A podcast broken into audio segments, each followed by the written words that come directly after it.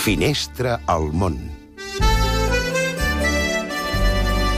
Anem ara a Brussel·les. Jaume Masdeu, bona nit. Bona nit. Saps qui és l'últim que s'ha llançat a la imparable moda dels selfies? Doncs una institució tan respectable com el Banc Central Europeu. Aquest que a partir d'ara vigila directament els grans bancs d'Europa, el mateix que fixa a quin interès pagarem els crèdits. Doncs, per promocionar el nou bitllet de 10 euros, que va posar-se en circulació el 23 de setembre, el BCE ha obert un concurs. En joc, 5 iPads, i per optar a guanyar-ne un, cal fer un selfie amb el nou bitllet i col·locar-lo a Twitter amb el hashtag MyNew10.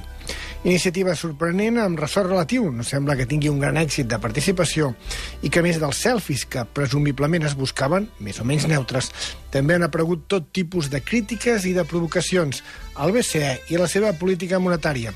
Selfies amb bitllets cremant en serien un exemple dels més moderats.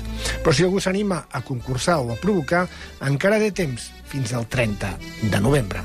Gràcies, Jaume. I ara anem a Buenos Aires. Joan Biosca, buenas noches. ¿Qué haces? Buenas noches, Elisa. Déu nhi el que ha plogut aquí a Buenos Aires en aquestes darreres 48 hores sense parar i quasi 5 dies amb algunes aturades.